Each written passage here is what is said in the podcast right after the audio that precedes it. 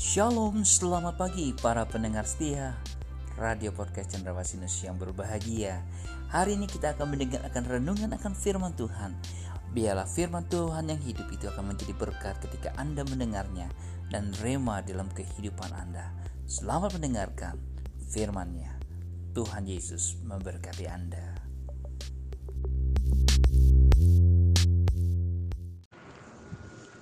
Shalom, haleluya Saudara-saudara sekalian, di mana pun saudara berada, sebelum kita memulai setiap aktivitas kita sepanjang hari ini, mari kita landasi setiap langkah hidup kita dengan firman-Nya. Renungan pagi ini kita baca dari Mazmur 136 ayat yang pertama. Bersyukurlah kepada Tuhan sebab ia baik, bahwasanya untuk selama-lamanya kasih setianya. Bersyukur selalu Bersyukur berasal dari kata syukur berarti rasa terima kasih kita kepada Tuhan. Bukan kepada manusia atau ciptaan Tuhan yang lain, tetapi ungkapan terima kasih yang kita berikan kepada Tuhan setiap saat. Dalam Mazmur 136 ini ada 26 ayat di dalamnya. Di sini kita bisa melihat bagaimana pemazmur bersyukur karena keajaiban-keajaiban kebesaran yang telah terjadi dalam hidup mereka yang dikerjakan oleh Tuhan. Kemudian yang kedua, pemazmur juga bersyukur karena karya ciptaan Tuhan yang dahsyat.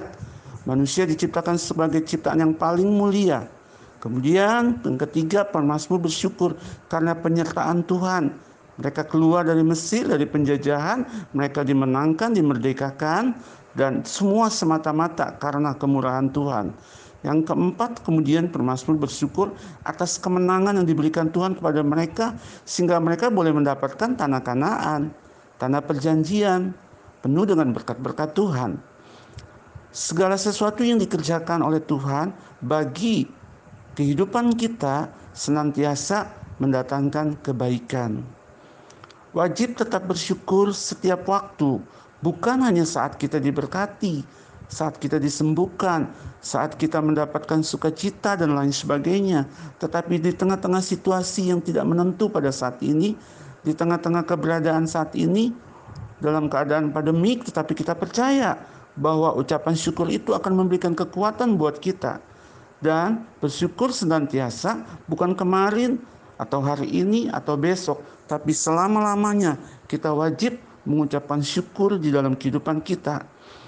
Contoh-contoh tindakan yang dilakukan oleh setiap tokoh-tokoh Alkitab, Nuh, Daniel, Ayub, Abednego, Yusuf, mereka selalu bersyukur di tengah situasi apa pun juga.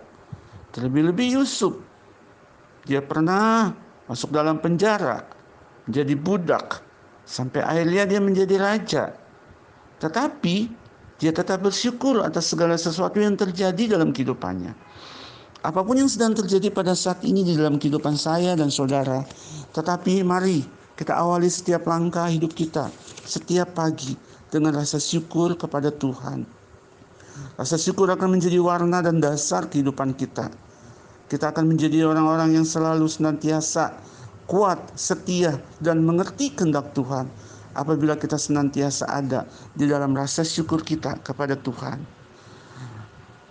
Bersyukur tidak hanya melihat dalam situasi apa yang ada di sekitar kita. Karena kita percaya bahwa bersyukur datangnya dari dalam, secara internal, dari kehidupan kita secara pribadi. Yang akan memberikan kekuatan dan kemenangan buat kita. Saat ini, saudara, sebelum kita akan melangkah sepanjang hari ini, apa pun yang akan kita hadapi, apa pun yang kita akan alami, tapi kita percaya kita Awali langkah kita dengan kebenaran firman-Nya, kita sertai dengan rasa syukur kita kepada Tuhan, karena Dia yang terbaik dalam setiap kehidupan saya dan saudara.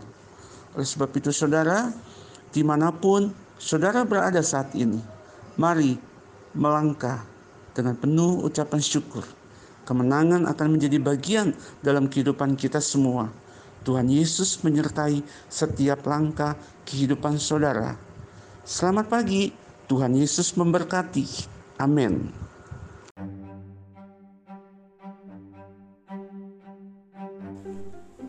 Terpujilah bagi nama Tuhan. melalui renungan hari ini Anda diberkati Tuhan. Dalam suka maupun duka, di atas gunung atau di lembah, dalam tangis ataupun tawa, dalam berkat maupun percobaan. Tuhan Yesus selalu ada di sana, menemani dan tak pernah meninggalkan Anda. Sampai jumpa. Tuhan Yesus memberkati Anda.